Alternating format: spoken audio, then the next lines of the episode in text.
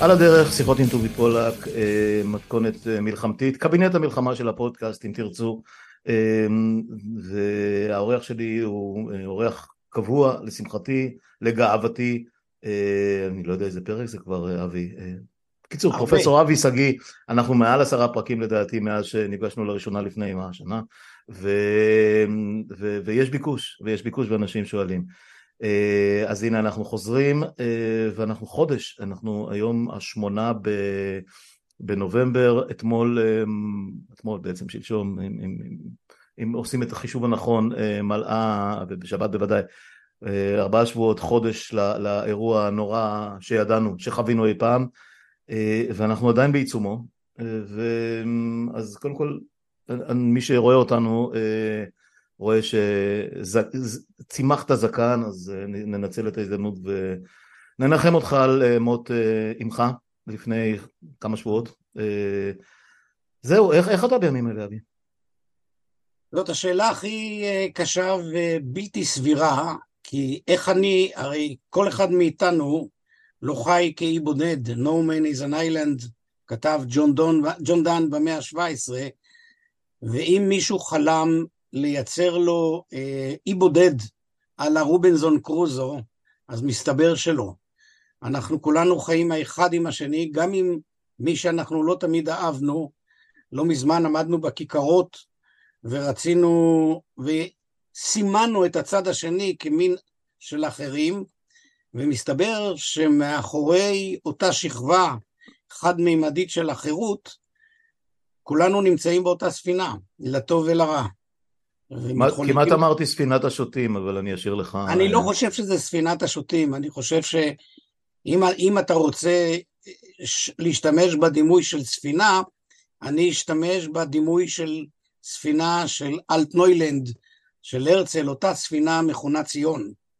ולא בכדי הוא משתמש במונח ספינה כדי לבטא את האופי המתנייד של העם היהודי, לאו דווקא במרחבים הלוקאליים, כשזה היה עם ללא מולדת, אלא במובן הזה שיש בו כוח גמיש לנוע, לתקן את עצמו, ואם יש משהו שאני מודה עליו, זה לביבי באופן אישי ופרסונלי, אבל בתודעה עמוקה, זה שהוא אפשר לנו לצמוח כחברה אזרחית, ושבאין מדינה וממשל, אותם כוחות שהגנו על קיומנו כאזרחים כחברה נרתמו להציל את מדינת ישראל כפשוטו, החל מלדאוג לכלי מטבח ומיטות וכלה בהגנה, ומה שהסתבר פעם נוספת הוא שהשלטון הזה, השלטון הנורא הזה, לא ימית אותנו, לא יהרוס אותנו, לא ייטול מאיתנו את לשעת חיינו, כי גם אנחנו שעמדנו והתעמתנו אלה מל אלה, ברגעי, ברגעים המכריעים אנחנו נמצאים יחד באותו מקום, והלוואי ויהיה לנו את הכוח לחצות את הרוביקום הזה ולהוביל אותו אל מרחב החיים השלווים ביום שלאחרי המלחמה. כן, ואמרו אמן, אה, כמו שאני לא נוהג להגיד, אה, אה, כמי שאני, אבל בכל זאת. תשמע, אני מבין כל מה שאתה אומר, אני לא בהכרח מסכים עם כל מה שאמרת, אה, אבל שוב, זה לא, לא באנו להתווכח כאן, אמ, כי, אבל אני רק אגיד את זה בחצי משפט. אה, כן, גילינו שיש פה אה, חברה אזרחית מדהימה, אבל היא עדיין מדהימה, ומה שגילינו היא מדהימה בחלקה. זאת אומרת, החלק, החלק המדהים בה הוא מדהים במאה אחוז, אבל הוא רחוק מאוד מלהיות, מה שנקרא, עם מירכאות או בלי מירכאות, החברה הישראלית. אה, אנחנו, אה, אה, הדיפרנציאציה שנוכחנו בה בשנה האחרונה, ולא בינינו, לא בשנה האחרונה, זה כבר כמה עשרות שנים, לא הלכה לשום מקום, ואנחנו רואים את המכונה, מכונת הרעל, so to speak, עובדת as we speak, זה, זה, זה לא מפסיק לרגע, וכל מה שאנחנו רואים, הזכרת את נתניהו, כל מה שאנחנו רואים שהוא עושה עכשיו זה פשוט להתכונן ליום שאחרי, יודע, לכסות את עצמו בכמה שיותר, בכמה שיותר שכבות הגנה. בינינו. אני אגיד לך מה ההבדל בינינו, וזה בעיניי, כשלמדתי את זה, זה היה לי אחד השיעורים החשובים. השאלה איך אתה מתבונן בחברה הישראלית. האם דרך המימד הפוליטי, דרך המרחב הפוליטי, או דרך המרחב הציבורי? שים לב שכשאתה ביקרת ואני שותף לביקורת שלך, אנחנו מכירים מספיק זמן, ביקרת את המרחב הפוליטי. לא בהכרח, לא בהכרח, סליחה, סליחה, אני אעצור אותך פה, לאו דווקא הפוליטי. יש פה, יש פה הרבה מאוד אלמנטים שהם הרבה מעבר לפוליטיקה. אוקיי, אני גם את זה מקבל. אמוני ומסורתי ואלף ואחד דברים. מקבל גם את זה. כן. אבל אחרי שאנחנו מקבלים את כל ההסתייגויות שלך, שיש גם בתוך החברה האזרחית, קורה תהליך עמוק בחברה האזרחית על כל שלוחותיה. ימין, שמאל, ערבים, חילונים, חרדים. יש איזו תזוזה אל עבר מרכז חברתי. ברור שהתהליך הזה לא יגיע לידי מיצוי במלחמה, ואוי ואבוי אם הוא ייבנה על ידי כוח שלילי. אבל אי אפשר של... להתעלם מהעובדה שהישראליות, אני מדגיש את הנקודה, הישראליות צומחת. זה כמו עץ, אתה לא רואה עדיין את פירותיו הבשלים, אבל מה שראינו לפני המלחמה זה לא עץ, זה עצים נבדלים. והעץ הזה הולך ומתגלה כעץ אחד. כמה הוא יהיה אה, עץ אחד, זו שאלה מעניינת, כמה הוא יהיה בשל לחיות עם מגוון סתירות ודעות. אני מאוד מוטרד מהלחץ של השלטון על זה, על חופש הדיבור, שחודר גם לאוניברסיטאות. יש המון תקלות, אבל תזכור, באופן עקרוני, מרחב פוליטי בישראל מבקש לשלוט על המרחב האזרחי-ציבורי. הוא עושה את זה באמצעות המדיה. אתמול בערב, כל אחד מאיתנו שהתיישב ליד הטלוויזיה, ראה שלושה אנשים שלא אמרו כלום על משך זמן ארוך. זה סוג של השתלטות. וגם, וגם אני רק אגיד ש, ש, שמאחורי הקלעים, אני לא יודע עד כמה אתה חשוף לזה, אבל אה, אה, אחד מהם, או, או לפחות אחד מהם, אה, כיוון להצהרה משולשת משותפת, כולל, כולל שאלה, ש, כולל מתן אפשרות לעיתונאים לשאול שאלות, והצד, שאנחנו יודעים מי הוא, הצד, ראש הקודקוד, סירב. כי הוא רוצה להיות תראה, לבד, והוא לא נכון. לא רוצה שישאלו אותו שאלות. זאת אומרת, אתה רואה כאן את הניכור והזרות של חלקים ניכרים במרחב הפוליטי, ואתה רואה לעומת זאת במרחב האזרחי ניצנים גוברים והולכים של שותפות מחמירת לב. דווקא של יסודות שהיו חוקים, מצד אחד הפלסטינאים, אזרחי ישראל הערבים, ומן הנגד החלקים ניכרים בקהילה החרדית. ואתה רואה צמיחה של סוף סוף של מה שאפשר לכנות במונחים של ריצ'רד רורטי פטריוטיות, לא פטריוטיות במובן פטריוט לקרב, אלא אכפתיות, זה המושג של ריצ'רד רורטי בספרו Achieving Our Country, שהוא אכפתיות ודאגה. עכשיו, אני לא חושב שמתחוללת מטמורפוזה, לא מחר בבוקר כל עשרות אלפי האזרחים הערבים חייבי הגיוס יתגייסו. אני לא חושב שמחר בבוקר כל הערבים שאין לי ציפייה שיתגייסו לצה"ל, כי אי אפשר להעמיד אותם בעימות עם אחיהם ובני משפחתם, אבל ילכו לשירות לאומי, אבל אתה רואה את התהליך שבו החומות נבקעות. תראה, את יריחו היה צריך להסתובב שבע סיבובים כדי שיפלו החומות. אני, אני כל פעם, אני כל פעם חוזר, חוזר לשאלת uh, uh, תאריך הלידה שלנו, כמה סיבובים עוד נשאר לנו? אתה יודע, השבע, השבע פעמים האלה סביב יריחו, אני לא יודע באיזה מהם אנחנו נמצאים כרגע. לא ו... היינו במציאות כזאת אף פעם. נכון, אוקיי. המאבק היום זה פעם ראשונה שאותגר לא רק הביטחון על הגבול, אה, זאת אומרת שהקרב היה, תיקח מ-48, ששם זה עוד היה בתוך החברה, אבל כל הקרבות שחלקנו גם השתתפנו בהם, כולל מלחמת יום כיפור שאני עוד הייתי בה. מהר מאוד הקרב נסע אל הגבול והחוצה כשהחברה בפנים הייתה מוגנת. אה, זה, זה חדש. זה עוד, זה, על זה עוד יכתבו, יכתבו אה, אה, אה, לא יודע, אה, מסות אה, מחקרים, סיפורים, שירים. אה, ההיסטוריה, ההיסטוריה תיכתב מחדש מלפני, כשנקודת המוצא תהיה באופן די, די שקרי, אה, השבעה באוקטובר, אבל אני לא יודע, אני צריך למצוא תאריך התחלה. כן. זה ריסטארט כן, של החברה כן. הישראלית. ריסטארט או... או, או, או, או, אתה יודע, אפשר להגיד המפץ, אני אומר שזה יכול להיות גם הנפץ, לך תדע לאן זה אני לא חושב, כי אתה רואה את כוח החיים האדיר.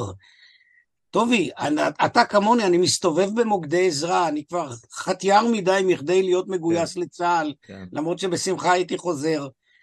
אתה רואה את הכוח האדיר הזה שצומח ממעמקי העומק, את הנכונות של בני אדם לחוות את האנחנו. זה לא הולך, לה, אנחנו לא הולכים לאבד אותו. אה, אנחנו... אני, אני, אני, הלוואי, הלוואי שהייתי יכול לחתום על מה שאתה אומר כרגע. אה, אני חושש אז... שביום שאחרי... אה, אני לא יודע את העתיד. לא, לא, לא, לא. לא. אתה יודע, אנחנו, בוא, אנחנו בוא, בוא נתפשר, בוא נתפשר על משפט, על קביעה של תיאורטיקן חשוב שעסק בדברים הללו, ארנס בלוך, אופטימיות עם צעיף של אבל. יש מקום עמוק לאופטימיות. אני, אבל... אני, אני לא מדבר עם עצמי, ב, ב, מעט, ממעט מאוד אה, לשאת פה מונולוגים, אמרתי את זה לכמה מהאורחים, אה, כי אני יודע שאני אגיד דברים שיכניסו, גם אם זה עשרה אנשים, גם אם זה שבעה אנשים, גם אם זה בני משפחה קרובים, למראה שחורה מדי, אז אני, אני תמיד מביא מישהו שיהיה מה שנקרא האיפכא מסתברא שלי, אם, אם נשתמש במונחים של צבא. אני תדע לך, אני, מי, אני אופטימי הייתי מהרגע, ש... עוד לפני שהמהפכה פרצה, כשרואיינתי בדה מרקר, ואני כל פעם קורא את זה ואני שואל את עצמי מאיפה היה לי את השכל, אני בסך הכל צמחתי בבת ים. כששאל אותי המראיין, מה יהיה אם הם יעשו את זה וזה? אז אמרתי, נערים, נערות, מבוגרים, ילדים בגן, יצאו לרחובות של העיר, זה יהיה רגע מאוד דרמטי. לא ציפינו שהמחיר הוא יהיה כל כך טרגי, כל כך נוראי, ועוד נבוא בחשבון עם האחראים הללו במרחב הפוליטי. אבל החברה האזרחית קמה לתחייה בעוצמות אדירות. אי אפשר להתעלם. תשמע, אנחנו לא שמים לב לזה. בלב המאפליה, שם, כשהיו גבויות מפוחמות שרופות, עמדו אנשי זק"א, רובם חרדים. הם לקחו את זה, זה לא שכל החרדים כאלה ולא שכל החרדים להפך. לא טענתי את זה מעולם. מה זה? אבל, אמרתי, לא טענתי את זה מעולם, אבל בוא, בוא ננסה להתקדם. אה, אה, אתה הזרקת את מנת ה... אה, נקרא לזה, לא רוצה להגיד אופטימיות קוסמית, אבל את מנת הריאליה כפי שאתה רואה אותה, אני כהרגלי עשיתי את זה טיפה אחרת, אבל אני רוצה שניגש לנושאים עצמם. וסיכמנו שנחליף כמה מילים בנושא שהוא בעיניי כרגע הדרמטי ביותר, החסר התקדים ביותר ש, שידענו מעולם, כ, כ, לפחות כישות אה, מדינתית, אה, שזה נושא החטופים, או אפשר להגיד שבויי המלחמה, אני כופר בהגדרה הזאת. ו- הם לא שבויים, הם חטופים. יפה, יפה, יפה, ובגלל זה גם אה, חלק גדול מהדיון מבחינתי מש, מש, משתתף ו... משותף בטרמינולוגיה שגויה ומכוונת באופן שגוי, היא, היא, לא, היא לא מקרית ש, ש, ש, ש, שיש כאלה שמשתמשים בה ואני אסביר. אה, קודם כל אני עדיין תחת הרושם של שיחה אה, מאוד אה, עצובה ומאוד, לא רוצה להגיד קשה כי, כי היא זרמה וזה מישהו שאני מכיר הרבה מאוד שנים, גם אם לא חברים קרובים, שוחחתי עם אביב אברון שהוא העורך העורך של אה, המוסף הפוליטי של ידיעות אחרונות, אנחנו מכירים מהעיתונות כבר, אה, לא יודע, מעל 40 שנה, אה, עבדנו ביחד בחלק מהזמן, רוב הזמן היה במעריב, הוא המשיך והוא עדיין עורך בכיר בידיעות אחרונות, והוא בן קיבוץ בארי, ובאותה שבת, הוא לא היה בארץ בכלל, באותה שבת הוא איבד בשעות הראשונות שלושה מבני משפחתו הקרובים, ביניהם בין אחותו הקטנה, אחותו שציירה ממנו בשנים ספורות, ו, ועוד גיסים ו, אחיינים וכולי, שלושה, שלושה, שלושה אה, נהרגו, הם כבר ידוע שהם נהרגו, ועוד שבעה מבני משפחתו, כולל אה, ילדה בת שלוש, כולל אחיין, אח, אחיינית שלו, ואחיה בן שמונה, והאימא שלהם, וזה זה, זה, זה, סוג של סטטיסטיקה, שנ... טרגדיה שנהפכת לסטטיסטיקה, כי המספרים הם כל כך גדולים, ואפילו הוא, ש... שנמצא בתוך האבל ובתוך המאבק להחזרת אה, בני משפחתו החטופים, מודע לזה שקשה מאוד למקד את המבט בדמות אחת. כשהיה לנו גלעד שליט, כשהיה לנו רון הרב, כשהיה לנו אה, אה, גולדברסר ו- ורגב בלבנון בזמנו, אז היו שמות, היו פרטים. פה זה מסה כל כך מטורפת של, של תמונות ושמות וסיפורים, שקשה למקד את המבט. ושמחתי, שמחתי, אתה יודע, זו מילה גדולה. אה, הוא, הוא משתמש בכל פלטפורמה שלא תהיה בשביל לשמור את הטרגדיה הזאת במודעות, ושוחחנו, אה, והוא בטלוויזיה, והוא בטלוויזיה הבינלאומית, והוא אצלי בפודקאסט, והוא כתב מאמר אה, עם התמונה של יהל, האחיינית שלו, על כל העמוד הראשון של המוסף הפוליטי לפני שבועיים, זה היה בוקס בבטן ברמה שאתה פשוט, קשה מאוד להכיל את זה. ו... ודיברנו גם על, ה... על האמירה הזאת של, של, של נתניהו, של גלנט, של הצבא, של, של, אה, של הישראליזם הביטחוניז... הביטחוניסטי נקרא לו, אה, שחדור גם ברגשות, אה, לא יודע מה,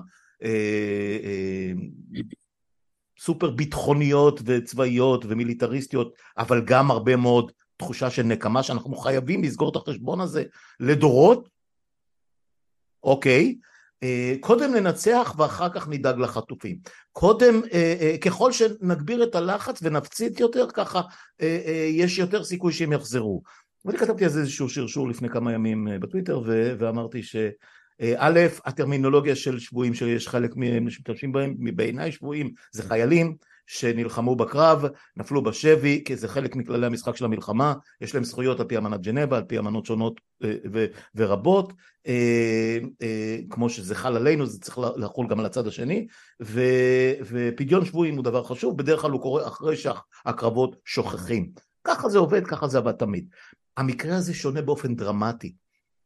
לפחות רוב החטופים לעזה הם אזרחים שהיו חסרי ישע, נטולי הגנה, אה, נשים, ילדים, קשישות וקשישים, נכות ונכים, חולים, אה, אה, תינוקות, תינוקות, for God's sake, ש, שנלקחו אחרי, ש, אחרי שבני משפחה שלהם נרצחו לנגד עיניהם. זאת אומרת, זה, זה, זה טרגדיות ברמות של הפרעות של פעם, זה דברים שאנחנו לא מסוגלים בכלל לדמיין, זה, זה בלתי נתפס, ופה מתייחסים לממסד או הנהגה, so to speak, אני לא רואה הנהגה, אבל נניח שיש דבר כזה שנקרא הנהגה, כאיזה משהו שמפריע בזמן המלחמה, שצריך לשים אותו בצד, הם, הם גם מתראיינים ואומרים את זה. בוא, בוא לא נעסוק בזה, נעסוק בזה אחרי המלחמה. כש, כש, כשהם ירגישו מספיק לחץ וסינואר, או, או מי שזה לא יהיה, ירגיש שיש סכנה לחייו, הוא יסכים לשחרר חטופים. ואני אמרתי, קודם כל, אנחנו לא ננצח, כי אין דבר כזה לנצח, לא תהיה תמונת ניצחון, אתה לא מנצח רוח, אתה לא מנצח תנועה, אתה לא מנצח אמונה, אתה יכול אולי לעקר את היכולת הצבאית שלו, גם זה אני די בספק, אבל נניח, אבל אני לא אסטרטג ולא, ולא יש ביטחון, אז אני אומר את זה כ- כאזרח, זה אחד, אומרת, מצד אחד אתה לא תנצח ולא תגיע ל- ל- לרגע המכונן הזה שנקרא ניצחון, ומצד שני, ככל שתחכה יותר, אני כופר, כופר באופן מוחלט בקביעה הזאת שככל שאנחנו נפציץ אותם ונלחץ עליהם יותר, ככה יהיה להם יותר מוטיבציה לשחרר את אותם חטופים. ואולי להפך, ואולי הם יהרגו אותם, ואולי ההפצצות שלנו יהרגו אותם. מה אנחנו פה מפעילים נוהל חניבל, מי שמכיר, אה, על, על אה, אה, אזרחים שאין להם שום יכולת בכלל ל, ל, ל, ל, להגן על עצמם? אנחנו מפעילים חניבל על 242 או כמה שיש חטופים שרובם אזרחים, נשים, ילדים, תינוקות והכל, זו התנהגות מדינתית שבעיניי היא בלתי נסבלת, זה המשך ישיר של אותה נטישה, הפקרה, אה, אה, זלזול בחיי אדם שהביאו אותנו לשבעה באוקטובר. ו... ובאמת סיימתי בזה שאנחנו מצד אחד, מה שנקרא, לא מיני ולא מקצתי, לא ננצח וגם נפסיד אותם, וגם נקריב אותם, אם, אם, אם נשתמש במילה קשה יותר. אה, ואתה אמרת כן, אה, אני מבין ואני שותף בתחושות שלך, אה, לפחות כתחושות, אבל, אבל יש, לי, יש לי מה להגיד על זה גם ברמה התיאורטית, פילוסופית והכל. אז עכשיו, עכשיו תורך. טוב, ברור לגמרי שאין גבול ליגון, לצער. מי שלא מבין את זה הוא לא יצור אנושי. מי שלא משתתף בצער העמוק ולא חווה את זה כצערו, עד כמה שהוא יכול, הוא יצור רדוד, רע לב, ונדמה לי שהנקודה הזאת היא המבחינה בינינו כבני אדם, פועלים שרוצים להיות אנשים מוסריים, לבין אותם חיות אדם שמגלמים את הרוע האפשרי בקיום האנושי.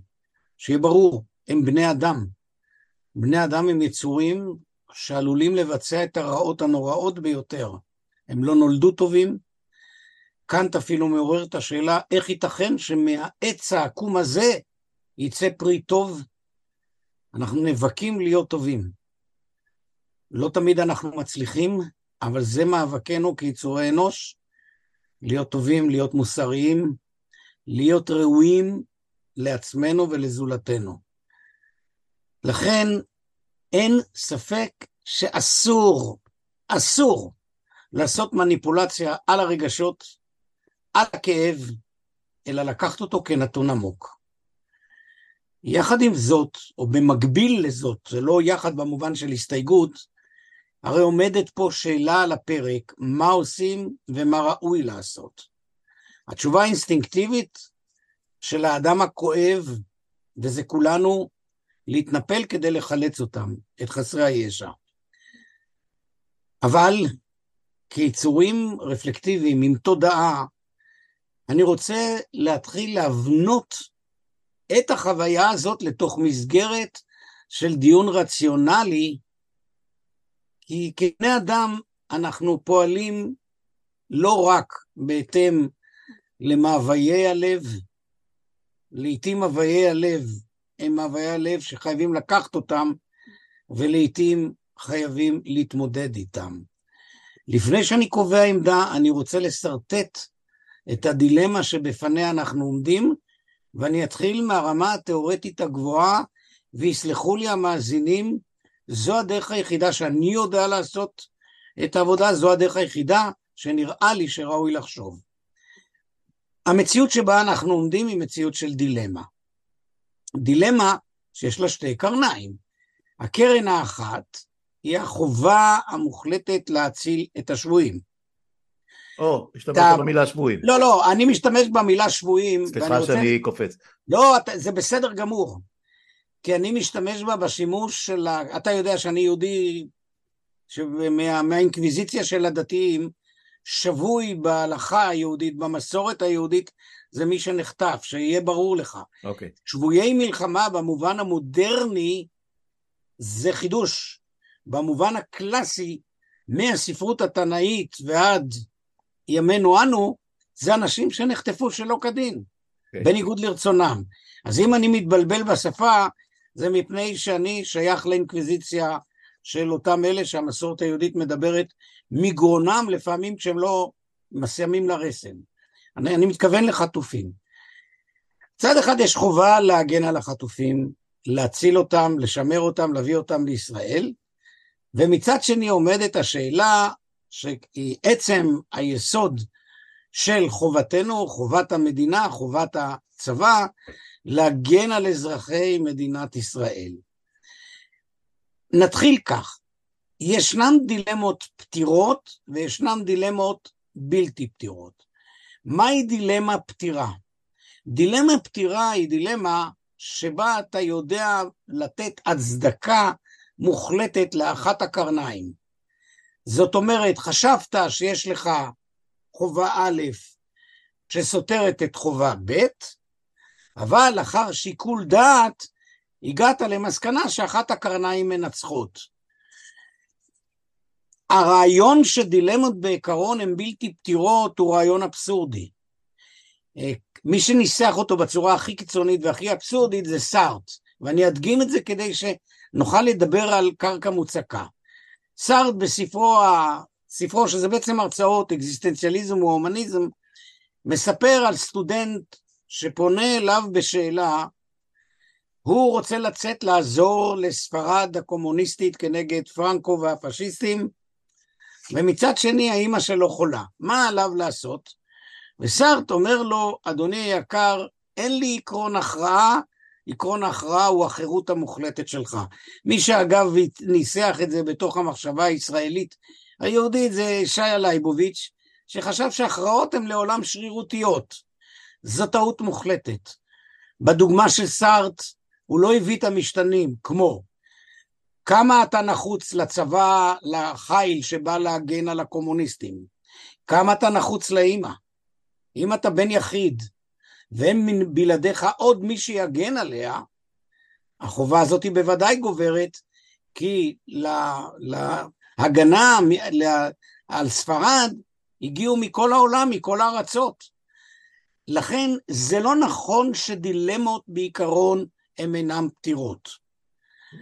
דילמה שבעיקרון איננה פתירה, היא לא דילמה רציונלית. היא דילמה שצריך להיות שוויון בין שני הקרניים. אני אתן את הדוגמה ההיסטורית הקלאסית לטובת הדיון. סרן קירקגרד בספרו חיל ורעדה מתאר סוג כזה של דילמה. מצד אחד אלוהים מצווה עליו להקריב את יצחק, והוא יודע שזה אלוהים ושצריך לצטט, לציית לו, מצד שני יש לו חובה מוסרית שהיא תקפה. אין לו עקרון הכרעה חיצוני. שתי התביעות עומדות באותו תוקף. ולכן קירקגרד הבין, כך הוא מנתח את הסיפור המקראי, שאברהם בהכרעתו מסכן את כל חייו. כי ייתכן שבזה שהוא בוחר להקריב את יצחק, הוא הפך להיות פושע. והוא מנסח שם את המשפט הזה, הבא, ואני אצטט מהזיכרון, אביר האמונה, זה אברהם, שנתו נודדת עליו בלילות כי הוא לא יודע מה הדרישה. אבל אלמלא הוא לא היה במצב כזה, הוא לא היה אדם מאמין. כי המאמין הוא מי שלפי קירקגור מציב את עצמו בלב הדילמה. למה מנקודת מבטו של קירקגור אברהם החליט להקריב את יצחק הוא לא מענייננו. זה אם נקדיש פעם דיון מעניין על הפילוסופיה של קירקגרד שצריך להגיד כאן, אני קרוב לשש שנים מחיי הקדשתי ללמידתו וכולל לימוד השפה הדנית ועדיין הוא מעשיר את עולמי אבל זה לא מה שמעניין כאם אף אחד.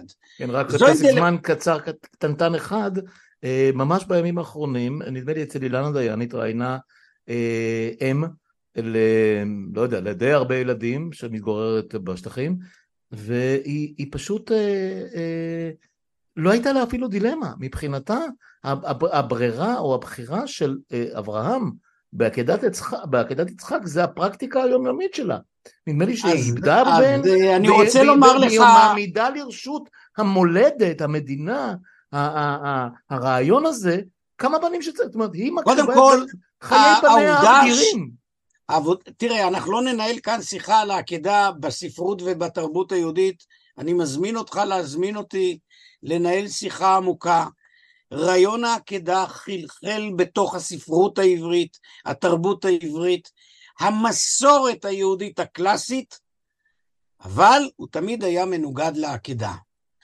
כפי שהתפרשה על ידי ההלכה, כפי שהתפרשה בספרות היהודית לדורותיה, אני משאיר את זה בכוונה פתוח, כדי שאנשים יהיו סקרנים וידפקו לך בדלת ויגידו לך, טובי, we want to speak about it. אם יתברר, נעשה את זה. מה שנקרא, לא don't push your luck, הם, הם, הם, הם מוכנים לקבל כל מה שנשפוך עליהם. אין לי בעיה, אבל אני הבאתי את זה רק כדי כן, להדגים. כן, בסדר גמור. בסדר גמור, הייתי חייב, כי זה פשוט ישר נצנץ לי. אני מבין אותך, אני מבין. אני מנסה, אני כאב לבן, בבת, בלי שום קשר, אה, אה, אני לא מצליח להבין את הדרך הזאת.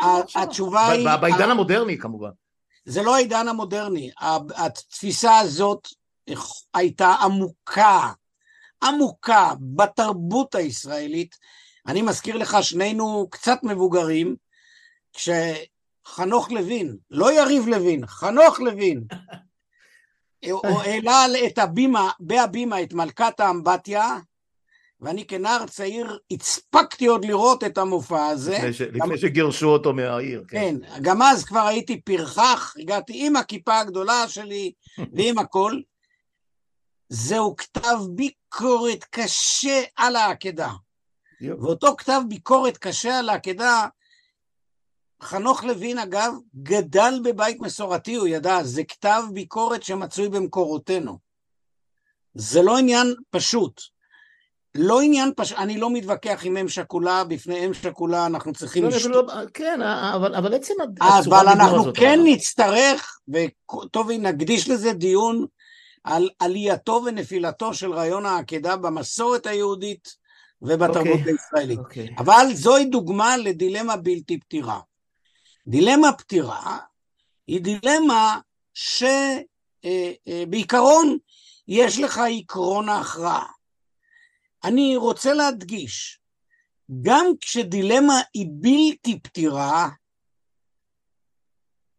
יש מרחב שיקול דעת סביר בתוכה לפעולה.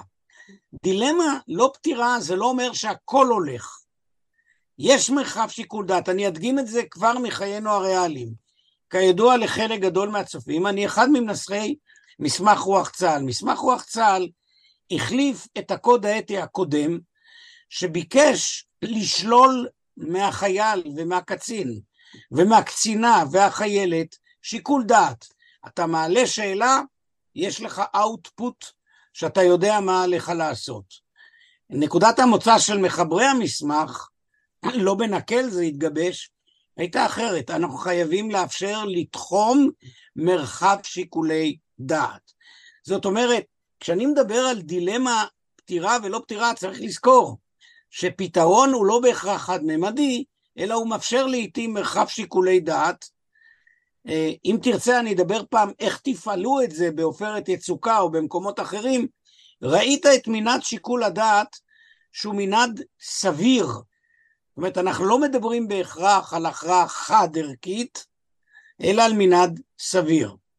אבל יש דילמה שהיא דילמה פתירה, שבו אתה בוחר באגף אחד. דילמות פתירות שלא מותירות שיקול דעת, שלא מותירות חוויה קשה, הן תמיד דילמות שבהן אחד האגפים חשבת שהוא טוב והתברר שהוא רע. ואז יש לך הצדקה למה במצב העניינים הזה עליך לפעול באופן הזה, אוקיי? אחרי ששרטטנו את המודל הכללי של שלילת הרעיון של דילמות לא פתירות בגלל שרירותיות, שרירותיות והצבעתי במקומו על דילמות לא פתירות כי שני הקר... שתי הקרניים הם בעלי אותו ערך, הצבעתי גם על מין מצב ביניים שכששני הקרניים הם בעלי אותו ערך, נוצרים לעיתים מרחבים של שיקול דעת, הגענו אל הדילמה הפתירה, והדילמה הפתירה היא דילמה שבעיקרון יש לך הצדקה עקרונית למה לפעול כך ולא אחרת. זה לא אומר שתמיד תדע אותה. אתה חייב להשקיע שיקול דעת ארוך. והיא בדרך כלל דילמה בין טוב לרע.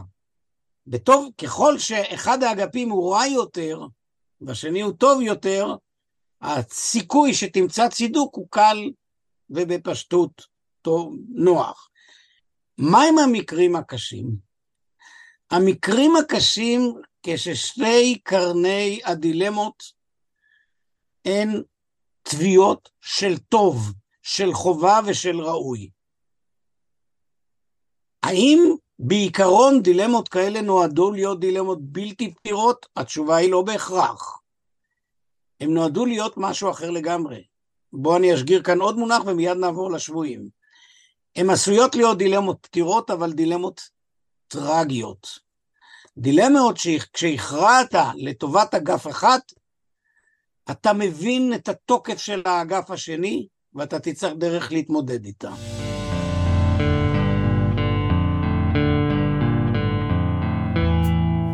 מכאן אני רוצה, כדי שזה לא יישאר באוויר, לעבור בדיון שלפנינו.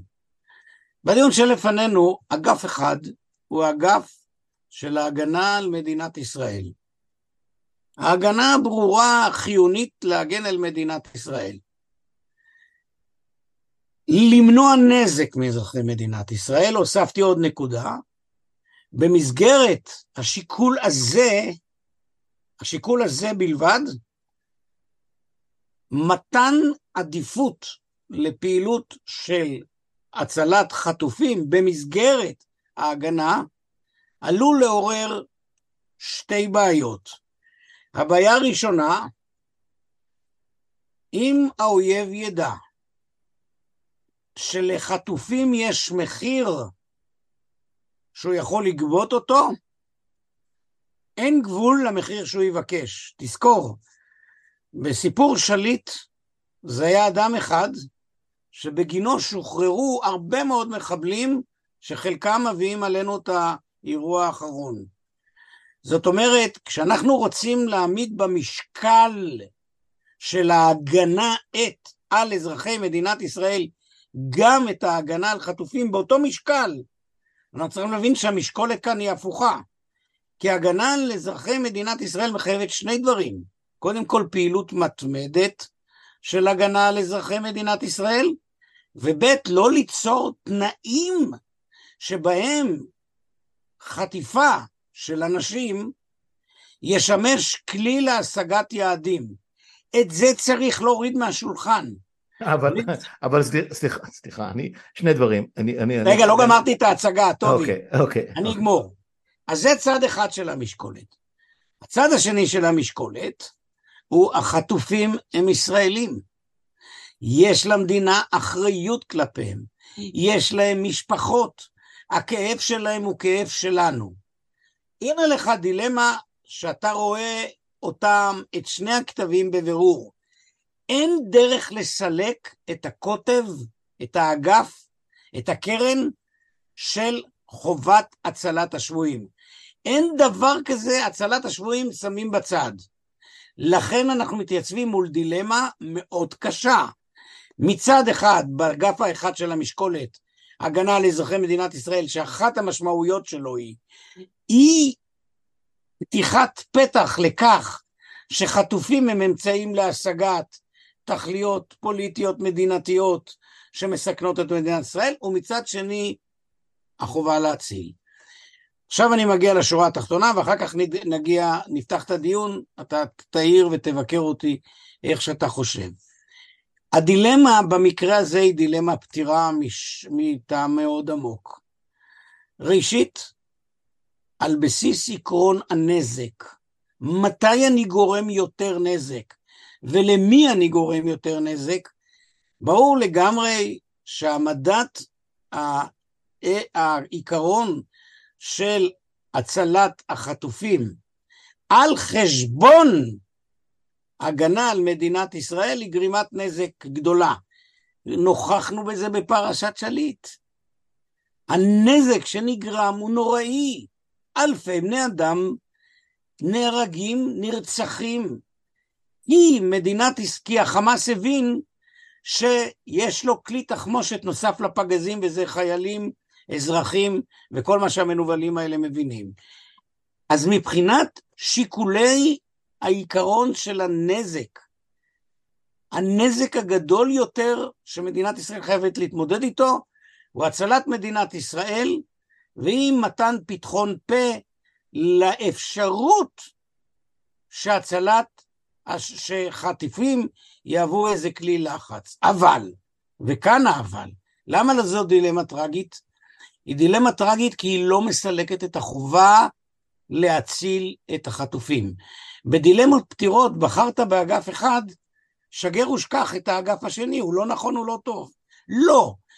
פה בגלל הקדימות של חובת ההגנה על אזרחי מדינת ישראל, חייבים לחזור ולשנן בוקר וערב שיש חובה להציל את השבויים, לא על חשבון הצלת אזרחי מדינת ישראל. איך? כאן אנחנו עוברים מהרמה של דיון תיאורטי לפרקטיקה. אני לא יודע, ל... אני לא טקטיקון צבאי, אני טקטיקן צבאי מאוד קטן, אני לא יודע גם לייעץ לא לצבא ולא לאף אחד איך לעשות את הדברים. דבר אחד, אסור שיהיה. אסור להסכים לכך שבני אדם הם משחק בידי הזולת או בידינו אנו. הרטוריקה שאתה הצבעת עליו, של מנהיגי המדינה הזאת, בעיניי מעוררת כבש. מפני שאני רוצה את ראש הממשלה ואת שר הביטחון ואת הרמטכ"ל שיעמדו מול ההורים הדואבים, מול, מול האחים והאחיות, ויאמרו להם את האמת העמוקה, אנחנו איתכם, הם בראש מעיינינו, אבל הם צריכים להיות אמצים לומר, אנחנו איתכם ואנחנו נמצא דרך, נהפוך כל, אבל לא על חשבון הגנה על אזרחי מדינת ישראל. הכל, הכל ברור לי לגמרי, הכל ברור לי, הדילמה ברורה לי, הדילמה הזאת מלווה אותנו מיום היווסדנו, בכל מלחמה, בכל אירוע, מי, הבני הערובה, בנות הערובה, כן, אותה כיתת בנות במעלות, בשנות ה-70 שהוקרבו בסוף, זאת אומרת, יכולו להיות שהם לא יוקרבו ובפעולה, בפעולת החילוץ נהרגו כמה שנהרגו שם, מלון סבוי, אנטבה שהסתמן, או הסתמן, התברר כהצלחה מסחררת אבל היא, היא לא יכולה להעיד על, על שאר, ה, שאר חיינו כאן וכן הלאה והלאה. תשמע, כמה, כמה אמיתות שאני אה, כופר בהן כאזרח וגם כמי שמדבר לא מעט ומקשיב לא מעט לקצינים בכירים בדרך כלל אחרי שהם כבר פשטו את המדים צריך להגיד אין, אין מה לעשות אנחנו מכירים את תסמונת שומרי הסף בשב"כ, במוסד, בצבא, גם בפוליטיקה אה, א', חלק גדול מהמוטיבציה ואני לא כופר לרגע במוטיבציה הלאומית, לאומנית, אמונית, דתית של החמאס ושל אה, אה, אה, כל, כל ארגוני, ארגונים הפלסטינים לדורותיהם הם נמצאים ויימצאו בעימות איתנו לא כל כך משנה מה נעשה. אתה יודע, גם אם נגיע להסדר והגענו להסדרים הם, הם, הם, הם הסדרים, הם לא איזה ברית שלום וחברות ואחווה, אז בואו נשים את זה בפרופורציות הנכונות. חלק גדול מהמוטיבציות ועל זה דיברו, עשו את זה מחקרים, זה אותם אה, אה, אה, אלפי, לפעמים עשרות אלפי, תלוי באיזה נקודה בזמן אנחנו מדברים, של אה, אה, עצירים, ואסירים ביטחוניים שאנחנו מחזיקים פה, חלק גדול מהם כ- כסוג של אה, מניעה, סוג של נקמה, סוג של סגירת חשבון, סוג של התעמרות וכולי, לא כולם רוצחים, לא כולם טרוריסטים מורשעים, וזה זה, זה פן אחד של העניין. הפן השני כן, בכל פעם שיש פעולה של חטיפה, של לקיחת בני ערובה, של אה, אה, אה, שבויי מלחמה והכל, יש מחיר ש, ש, ש, שבסופו של דבר תשלם. גם במקרה הזה, כשנגיע ליום, ואני מקווה שיהיה אה, על מה לדון כשנגיע ליום הזה, שישארו אנשים חיים שם.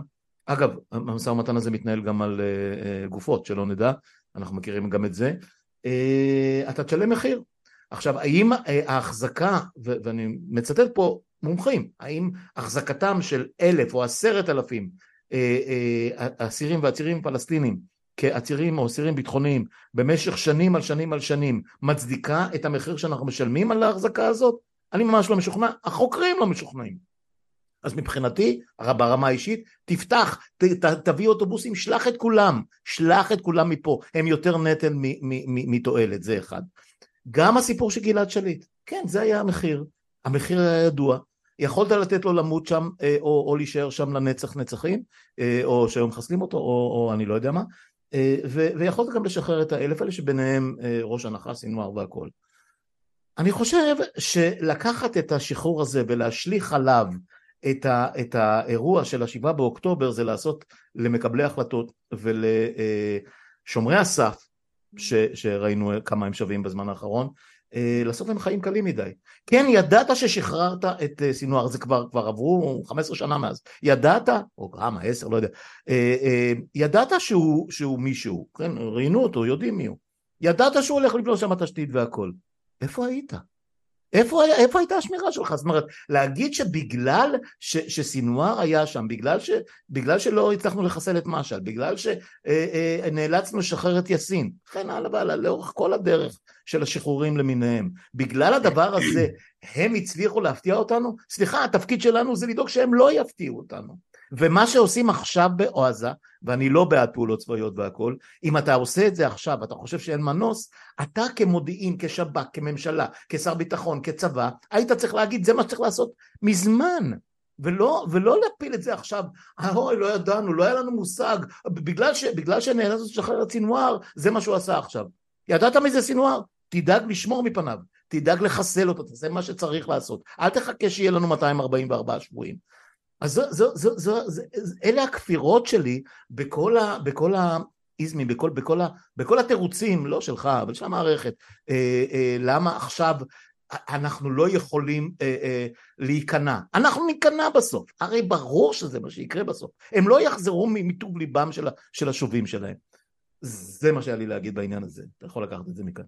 טוב, נתחיל מהסוף של דבריך, אנחנו ניכנע בסוף. אחד הדברים שאני לא יודע לעשות, זה לנבא את זה לטעון מהעתיד הבלתי ידוע כאילו שהוא כבר נודע לי. אבל אתה יודע מה, אני, אז אני אגיד לך, בסוף, הרי בסוף אין, אין חזרה של, של שבויים או, או, או חטופים ללא מחיר, אני לא יודע מה יהיה, אז נקרא לזה קנייה, תהיה, החלפה, תהיה החלפה, תראה, אני, ההנחות האלה הן הנחות על העתיד, שאני בקושי מצליח להבין את העבר. אני מסכים.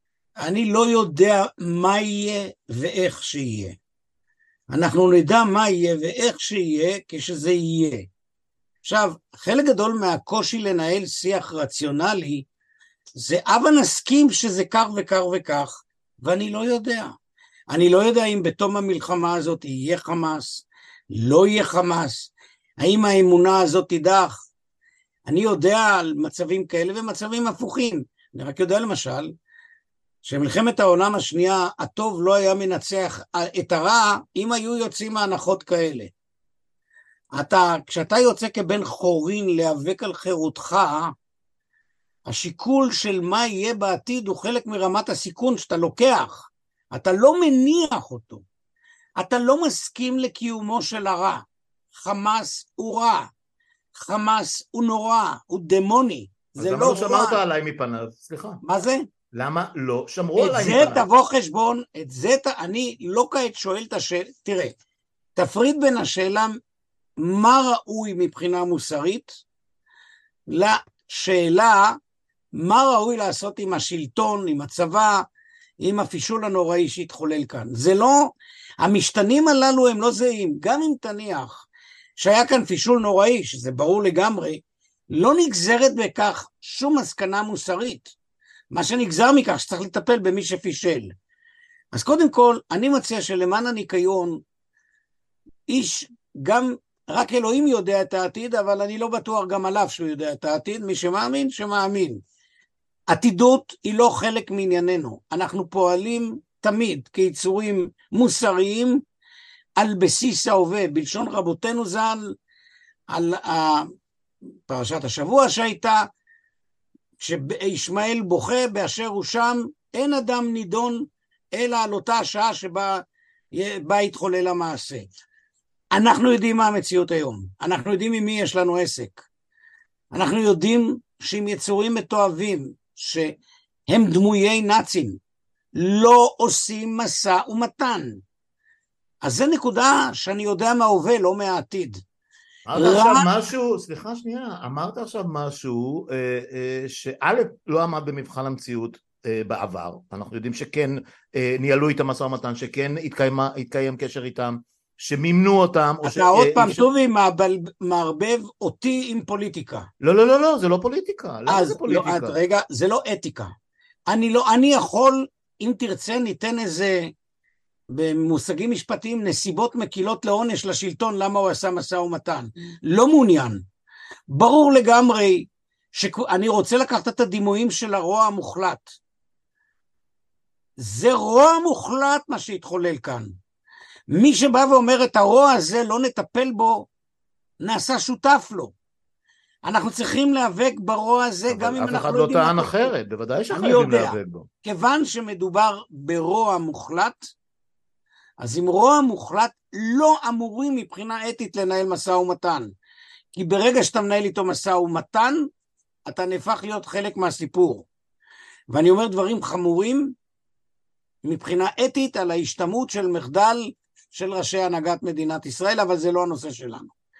ברוע נאבקים, והמאבק כאן הוא לא מאבק רחוק, המאבק כאן הוא כדי שתושבי מדינת ישראל, אזרחיה, תייריה, העובדים הזרים שבתוכה, כל אדם יוכל לחיות בביטחון שראשו לא ייערף, שהוא יקום מחר בבוקר. וזאת הנקודה שעומדת כאן על הפרק. זה המציאות.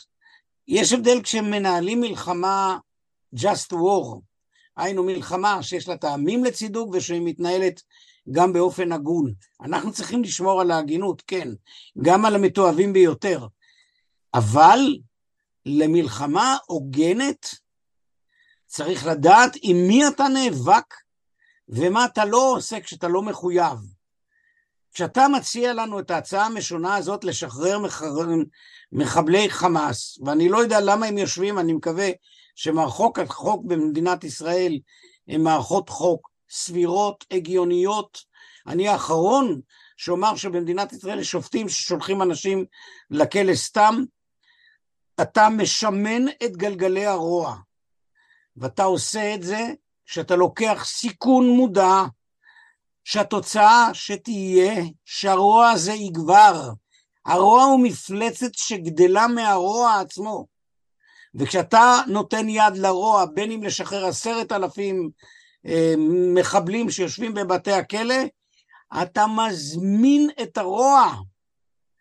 כל פוליטיקאי, כולל האדון יאיר לפיד, שאומר את דבר האיוולת הזאת, תמיד ישקול את השאלה הבאה, האם היית משחרר אלף נאצים, אלפיים נאצים, לתוך מכונת המלחמה הנאצית? לא, מפני שאתה לא יכול לתת יד לרוע, כי התוצאות שלה תהיינה מכפלת רוע. לכן אני אומר, כל הניסיונות האחרים הם טובים ברמה הפוליטית. מבחינה אתית, אם אתה רוצה לשמור על הבחנה בין טוב לרע, אתה לא עושה מעשים של רוע כדי בצד השני לעשות מעשה טוב. כי איזה טוב יצא אם הטוב יושב על רוע. עכשיו, אני כן חוזר בכוונה לסיפור גלעד. הייתה ועדה, ועדת שמגר, שקבעה נחרצות לא לעשות משא ומתן בגלל שהכיר את השיקולים. אגב, במסורת ישראל שלנו קובעת המשנה, אין פודים שבויים, שבויים תזכור זה חטובים, יותר מכדי דמיהם. אתה יודע מדוע? כי חכמי המשנה היה להם את השכל שלפעמים לנו אין, לבוא ולומר אם אתה מזמין כסף זה יהפוך להיות דרך המלך. היום זה חמאס פה, מחר זה חיזבאללה שם, אחר כך סוריה, ואחר כך כל אויבינו הם מקיפים אותנו מסביב. המחירים יעלו. יש עוד ארגז כלים להילחם בישראל. לא צריך פצצות, לא צריך שום דבר, צריכים לבצע חטיפות, כמו שבעבר חטפו לאנטבה ולכל מיני מקומות, וכך מדינת ישראל תתרסק. כך מדינה לא יכולה להתקיים, כך אתה ואני לא יכולים לחיות. והחיים הם חיים קשים. ואנחנו יודעים, כפי שאמרתי, שהדבר הנכון והטוב הוא לנהל, זה מלחמה שאין עליה ויכוח שהיא צודקת מבחינה זו שיש לה טעמים, ושאני מקווה גם שזה לא רק גיוס עד בלא, אלא גם אין בלא, גם בתוך המלחמה היא מתנהלת באופן צודק, כפי שאני מתרשם מכל מיני מקורות, היא נעשית באופן הגון יותר מאשר מדינות אחרות שעמדו בתנאים. המחבלים לא הצליחו לשבש עלינו כליל את עולמנו המוסרי. אסור שחס וחלילה, חס וחלילה, ינצל חטוף אחד שהמחיר שיגבה עליו יהיה עוד כמה שנים רצח של עוד אלף איש. איך אפשר לחיות כך? אה, ולכן הפתרון הוא פרקטי. הפתרון צריך להיות בתחבולות תעשה לך מלחמה. אני לא יודע איך עושים את זה. אני יותר אלך בצורה עוד יותר קיצונית. גם אם אין לי תשובה לשאלה, אני יודע מה אסור לעשות. אסור להפוך את הכאב למנגנון מוסרי. אסור להפוך את הסבל למה שיסמא את עינינו, כי אם אני רואה את הסבל היום, כאן, הרגע, אני לא רואה את הסבל העתידי. וזה לא עתידות במובן שאני לא יודע את העתיד שדיברתי עליו קודם, כי יש לנו עניין עם רוצחים מתועבים. כן, אה, הקשבתי. אני לא יכול שלא להסכים לעיקרון, אבל אני גם לא יכול שלא לזכור את הפרקטיקה היומיומית ואת העבר הלא רחוק והעבר הכן רחוק. אה, כן, חטיפות תמיד, כמעט תמיד. אני לא זוכר מקרים שבהם, שבהם אני זוכר מקרים ספורים ביותר, בנסיבות מאוד מאוד אה, ייחודיות, שבהם, אם, אם אני זוכר, אני, חושב, אני יכול לחשוב על אנטבה, אני יכול לחשוב על סבנה, אבל אנחנו לא בימי אנטבה ואנחנו לא בימי סבנה, והיסטורית ומעשית, אפילו אלחנן טננבום, כן, היה, היה פה ראש ממשלה לוחמני ש... אתה יודע, הרגישות ממנו והלאה אמרו רבים, שהוא לא עפעף ולא מצמץ כמו שרון, שעשה כל מיני איזושהי בכל מקום חליפין. צריך לבחון את הנסיבות שלו. נכון, נכון. עכשיו, ואל תשכח שהחיזבאללה זה לא חמאס, עם כל הרצון שלנו. אני, אני, אני, יודע, אבל. אבל גלעד שליט היה בידי חמאס וקיבל יחס הוגן במשך שנים. הוא, אז- אני לא יודע, זה לא מעניין אותי. לא, לא, לא, אני... אני אני שוב- התוצאה הייתה נוראית. אז, אבל התוצאה, הייתה אבל התוצאה, סינואר. אה, אבי, התוצאה הייתה נוראית ממכלול שלם של סיבות. לקחת את השחרור ההוא, שהיה מופרך מבחינת המספרים שלו, וכל מה שאנחנו, כל מה שתגיד נכון, ולכרוך אותו אה, אה, כ- כ- כסיבה, אה, אתה יודע מה, אפילו לא, לא, אני לא אפילו לא. בלעדית, אפילו לא עיקרית בעיניי, לקטסטרופה הנוכחית, לא, אני, אני לא אמרתי חושב את שזה זה. חיים קלים. טובי, אני מצטער, אתה לא, לא, אתה מכניס לי דברים שלא אמרתי בפי. לא, לא, לא אמרתי שאמרת. אני אמרתי, לא, לא, זה באמת, יש את לא, הטענה הרווחת הזאת. לא, אני לא. תשמע, אני לא מתעסק עם טענות רווחות, כן, אני מתעסק עם, עם מקווה ביושר ובהגינות, עם, עם שקלולים שמקצועי קרוב ל-40 שנה מחייב אותי כל הזמן להפעיל אותם בזהירות ובקפדנות. אין, אני לא אומר, לא יגיד משפט מטורף שגלעד שליט גרם לאירוע הזה או ההתנהלות. אני הצבעתי על תופעה. אחרת, יכול להיות. כן. אני הצבעתי על תופעה אחרת, על תופעת הפיכת בני אדם לארגזי תחמושת ולטילים. מה שהחמאס עושה, כיוון שאין לו ערך לחיי אדם, זה לחטוף בני אדם, הוא אומר עדיף לחטוף בני אדם, הוא לא מבזבז תחמושת, והמחיר שהמדינה תהיה מוכנה לשלם הוא גבוה. כן. המחיר הגבוה הזה בסוף גובה בין שאר המשתנים חיי אדם. נכון. אני חוזר על העיקרון היסודי. עם רוע לא מנהלים משא ומתן.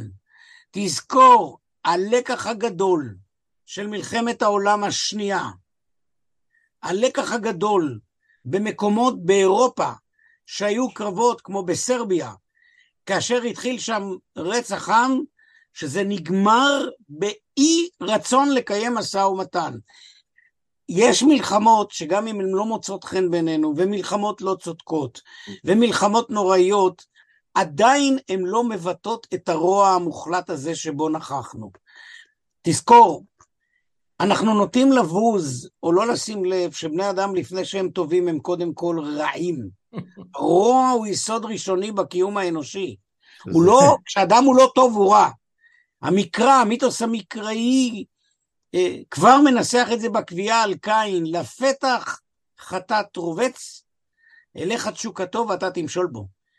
פרויד גילה את זה, הרבה לפני כולנו. זאת אומרת, חמאס הוא גילום של אפשרות אנושית, ועם רוע לא מנהלים משא ומתן. זו הייתה אולי הטעות הגדולה של האדונים הנכבדים היושב בשלטון, שחשבו שאפשר לביית מפלצות שהגיח מהם הרוע. עכשיו, בנסיבות האלה, שבהם אנחנו עומדים, ולא מדובר כאן בקרב קשה כמו עם מצרים, שאחרי שנהרגו ואחרי שניהלנו את הקרבות, הגיח לו לפתע השלום, ברור לגמרי שהשאלה המרכזית היא איך לשקלל את החובה, לה, החובה, ואני מדגיש, זו חובה, להציל את החטופים היא חובה גדולה, בלשון מקורותינו אין לך מצווה גדולה מזאת, לבין החובה המוחלטת להגן על אזרחי מדינת ישראל, לא ליצור, לא להסכים יותר שיישובי עוטף עזה וכולנו יהיו קו המגן. הרי אני, בוא נדבר קצת על הממשלה הזאת. אני שנים אומר, כותב, אפשר לקרוא את דבריי. אמרתי, ולא מפני שאני חכם גדול, אלא מפני שחבריי ותלמידיי חיים בעוטף עזה וראיתי את זה, הם הפכו להיות סאגה חבטות הטרנספרנס אובייקט במונחים הפסיכולוגיים של מדינת ישראל, כן. שהתעסקו איתם. מה שהיה בשנות ה-70 הקו אה, של אה, עמק בית שאן, ומה שהיה בדיוק. בשנות ה-80 הקו של, זאת של, אומרת, של, של בחרו. אה, קריית שמונה. כל, כל זמן שלא פגעו בתל אביב, חוץ מממשלת בנט, צריך להודות על האמת. לא מדויק, אה, תל אביב שילמה במחיר של, של, של לא, אני הפיגועים אומר הגדולים. שהמדינה לא באמת הראתה נכונות להתמודד, היא לא הבינה מול מה היא עומדת. עכשיו, המ- המחירים היו, המחירים היו כאלה שפוליטיקאים לא יכלו לשלם. המחירים שפוליטיקאים לא יכלו לשלם זה המחירים הנוראים שהיום אנחנו משלמים. נכון, נכון. אבל נכון. על זה נבוא בחשבון עם פוליטיקאים. אנחנו כאן כיצורים מוסריים צריכים להתמודד עם הכאב של הורים. תשמע, כשאתה שומע אם שכולה, שהלב יוצא אליה, שאומרת, אני יודעת שהבן שלי מת כדי להגן על מדינת ישראל וזה נותן משמעות. מי אני בכלל שאומר מילה לאימא הזאת?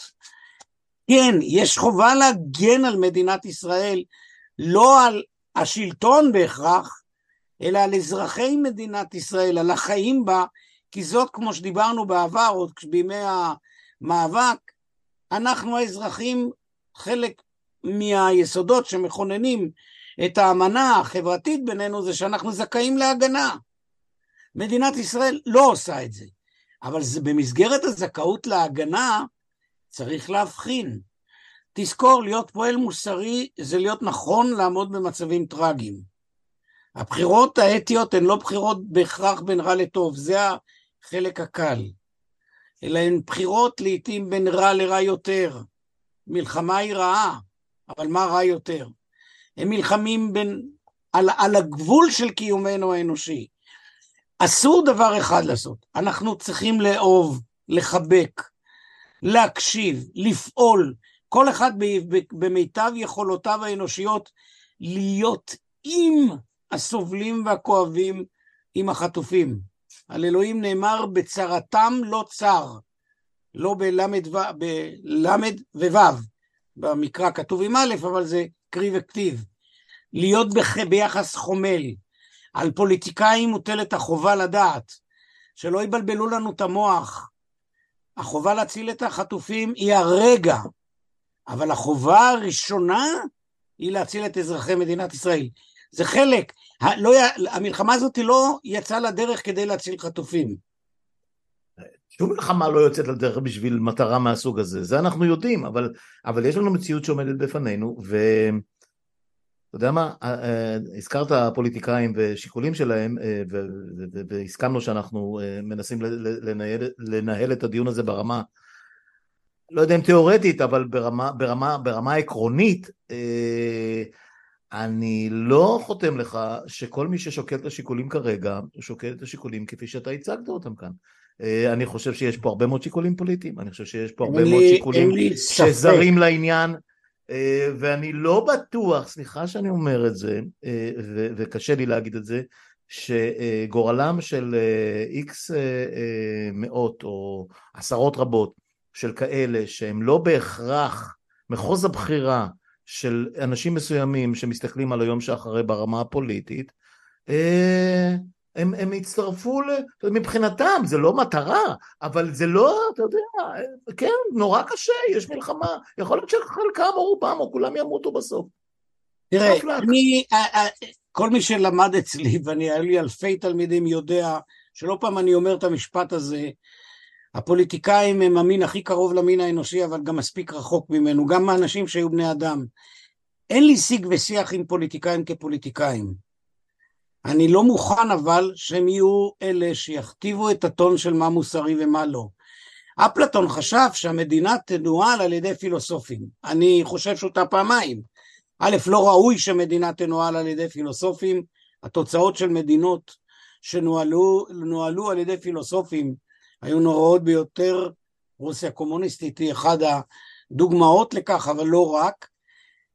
ודבר שני, אני רוצה שתהיה את ההבחנה בין הפוליטיקאי הפועל מתוך שיקולים אינטרסים, אינטרסנטיים, לפעמים טובים, לפעמים פחות טובים, לבינינו כאזרחי, אך כשיח ציבורי, אנחנו ישראל. אבל, אבל אבי, אבל אבי, ההנהגה היא הנהגה, אה, אה, הכוח והכסף והסמכות בידי אנשים, נבוא איתה חשבון. שאנחנו לא, רגע, לפני, מתי נבוא איתם? אתה יודע, אה, אה, בינתיים מה שנקרא אה, גופות, גופות, גופותינו מוש, מושלכים לפנינו כאן. כן. אנחנו, תשמע, הזמן עובר. כל מה, ש, כל מה שהפוליטיקאים הנוכחים עושים זה להתבצר בקרטינים שלהם וב, ובלשכות שלהם ולתכנן איך הם יוצאים בשלום מה, ביום שאחרי, לא יודע אם יצליחו או לא, אני גם לא נביא, ו- ו- ואני לא, אני חושב שמה שנשבר, אם נחזור רגע לחצרות של בארי ושל כפר עזה ושל ניר עוז ושל ניר עם בשבת שלפני ארבעה וחצי שבועות, אה, כמו שנשבר האמון ו- ו- והיה השבר הנורא בזה שאף אחד לא בא להציל אותם, בזה שאף אחד לא אה, אה, אה, שמר עליהם, בזה שהם הופקרו, אני חושב שרוב המדינה אני לא חושב שיש פה איזשהו, גם, גם בקרב תומכי הממשלה הזאת, so to speak, אין לנו אמון ב- ביכולת קבלת ההחלטות וביכולת התפקוד של החבורה הזאת. אני, מה עושים עם זה? אני אגיד לך מה עושים. ראשית, מה לא עושים. לא עושים, זה לא מוותרים על המצפון המוסרי שלנו. לא מוותרים על השיקול הדעת הכואב והקשה. שניסיתי להראות שוב, ייתכן ואני טועה, תזכור, הרי אני לא, אין לי יותר מאשר יכולת השיקול והצדקה, אין לי משהו אחר, ומישהו יגיד לי, אדוני, אתה טועה בגלל הטעמים האלה והאלה, אני הראשון שאשמח, אה, כי אני אוהב שחולקים עליי ומנמקים. אבל אני אגיד לך מה אסור לעשות. אסור לעשות שני דברים. אסור לוותר על הדחתו של ראש הממשלה המכהן בעת הזאת. כשמישהו בא ואומר עכשיו זה זמן מלחמה וזה לא הכל, התשובה היא לא. מפני שאי אפשר, אתה זוכר כשדיברנו בזמח, בזמנו, לפני, בימים הטובים, מה הבעיה שלנו עם ממשלה שאיבדה את הלגיטימיות שלה בתחום הצבאי, כי אנחנו לא סומכים על שיקול הדעת שלה. בדיוק. אה, עדי בשמיים, אלוהים שבשמיים עדי, שהדברים האלה נכתבו באותה מסה, שכתבתי, שבעצם הבעיה מתחילה שאין אמון ששלטון הזה יפעל רק מתוך האינטרסים של מדינת ישראל. אומר לך בצורה קיצונית. וזה, וזה, וזה הוחרף עשרות מונים, אלפי מונים. עכשיו אני אומר לך את המשפט העוד יותר קשה. עלול להיות שהשלטון הזה, באיזה רגע של אינני יודע, יאמר, אנחנו קודם כל משחררים את השבויים. זה הרגע שאתה יודע שהשלטון הפקיר את מדינת ישראל. באותו האופן, אם השלטון יבוא ויאמר, אנחנו לא מתעניינים בשבויים, אז אני רק חוזר ומאשר את העובדה שבמדינת ישראל יש, איך קוראים לזה בעברית? transference object, אובייקט מעבר. האובייקט המעבר זה הפריפריות בדרום לטובת ערכים אחרים. אם חברי כנסת מעיזים באמצע המלחמה חרדים, לא, אין לי טענות לקהילה החרדית, לבקש את הכספים כשלאנשים אין בית, אז אתה מבין... ולסרב להעביר תמיכה למי כן. שזקוק כן. לה עכשיו. אז אתה מבין שאין, אסור לרגע אחד לוותר על התביעה להדיח את השלטון. למזלנו, מסביבו של אה, אדון אה, נתניהו, ישנם שני אנשים הגונים, זה גנץ ו... אה, אה, חשבתי אה, שתגיד ביידן, ביידן ובלינקן, שהם יותר משפיעים, זה לא מעניין אותי, אני מדבר משפיעים, סליחה שאני אומר לך את לא זה. לא יודע, אני לא יודע מה יש... אני לא, תשמע, תזכור, על מה שאני לא יודע אני לא מדבר. כן. אני, אין לי ביטחון ואמון עמוק באדון ראש ממשלה וממשלתו. כן. ראינו מה שהם עושים. בדיוק. אבל דבר אחד, אחרי שאמרנו את כל זה, דבר אחד לא נוותר. זה שהשלטון הוא קלוקל, זה לא אומר שאנחנו אמורים לאבד את המצפון המוסרי שלנו. לעתים גם השלטון יכול להגיד דבר שהוא נכון מבחינה מוסרית. אנחנו האזרחים, אתה ואני, נקבע מהו הנכון.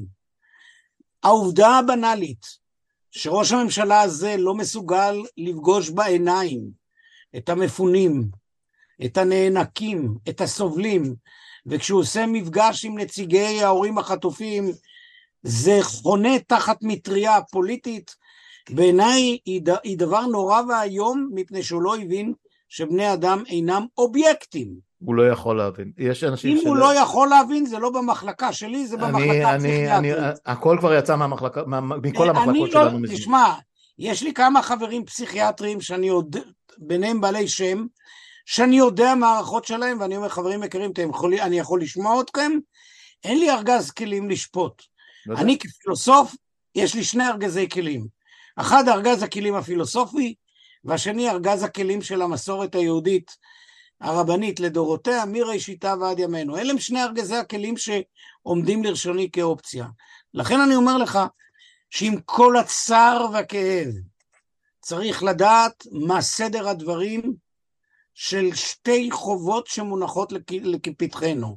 אנחנו מתפללים, מקווים שהם יתעמתו יחדיו, אבל אנחנו לא יכולים להפוך את הכל אה, אה, אה, לשחרור השבויים. מהבחינה הזאת אני משבח דווקא כאן את החלטת הממשלה, אם הבנתי אותה נכון, שלא לבצע הפוגה הומניטרית, כי את החובה ההומניטרית חייבים לקיים. והחובה ההומניטרית, כפי שהיא מוגדרת בדין הבינלאומי ובאתיקה, יציר, יצירת מסדרון הומניטרי ליציאה החוצה, אתמול ראינו שאפילו טנק מאבטח אותה, כן. הקמת בתי חולים, הייתי שמח שמדינת ישראל הייתה תורמת כאן יותר, אבל הנה לך דוגמה לפעולה של שילוב, שבה נאמר, אתם רוצים הפוגה הומניטרית יותר מהנדרש, תוציאו את החטופים. זאת אומרת, ברגע הזה התברר שלפחות כאן המערכת השלטונית פועלת נכון. תשמע, אני חושב שנסכים פה שלא נסכים על הכל, אה, שמעתי את עמדתך אה, ב... לא תמיד, לא תמיד יכולתי להתאפק, אני מודה, אבל, אבל, אבל בגלל זה אתה ב, באלמנט שלך, בפילוסופיה, בהגות, בעקרונות, ואני בביוב של היום יום, כעיתונאי וכ... וכ... אני שמח ש... שאתה לא מסכים איתי. לא, אני יודע, אני יודע. אמ, אני... ואני לא אכנס שוב ל, ל, ל, לשאלות ולהערכות של אנשים שאני מעריך את דעתם ברמה הביטחונית, גם לא לגבי אה, סיפור של אה, כן שחרור מחבלים, לא שחרור מחבלים, אה, מה היה נכון לעשות ואיך צריך לעשות. אני פשוט טבוע, טבוע במציאות האיומה הזאת שלנו באופן כל כך ריאלי ו... ו לא רוצה לדכא ומייאש, אבל, אבל, אבל באמת, אה, לא יודע באיזה מילה להשתמש פה, זה, זה, זה, זה, זה נורא קשה, זה נורא קשה להיות אה, נורא נורא ריאליסט, לפחות, לפחות ב, מבחינתי, בעיניי. אה, ואתה יודע, כמי שלא מאמין גם באיזשהו בורא עולם, באיזשהו בורא, אין לי במה להתנחם. בורא עולם פה לא עוזר. לא, לא, לא, אני אומר, לי בניגוד אולי, לא לך, לאחרים נניח שמתנחמים ב... ב לא יודע במה, לי קשה, כי, כי אני באמת אה, לגמרי, לא רוצה להגיד ניהיליסט, אבל, אבל, אבל אה, ריאליסט להחריד. ו, וזה לא קל, אני לא מתהדר זה בזה. זה טוב שכך. אתה יודע, הייתי מוטרד, טובי, אם אתה ואני היינו חווים את המציאות הזאת כמציאות קלה. לא, היא לא קלה בשום מקרה, כן. דיברתי, ב, לא ברדידי, השתמשתי במונח טרגי. כן.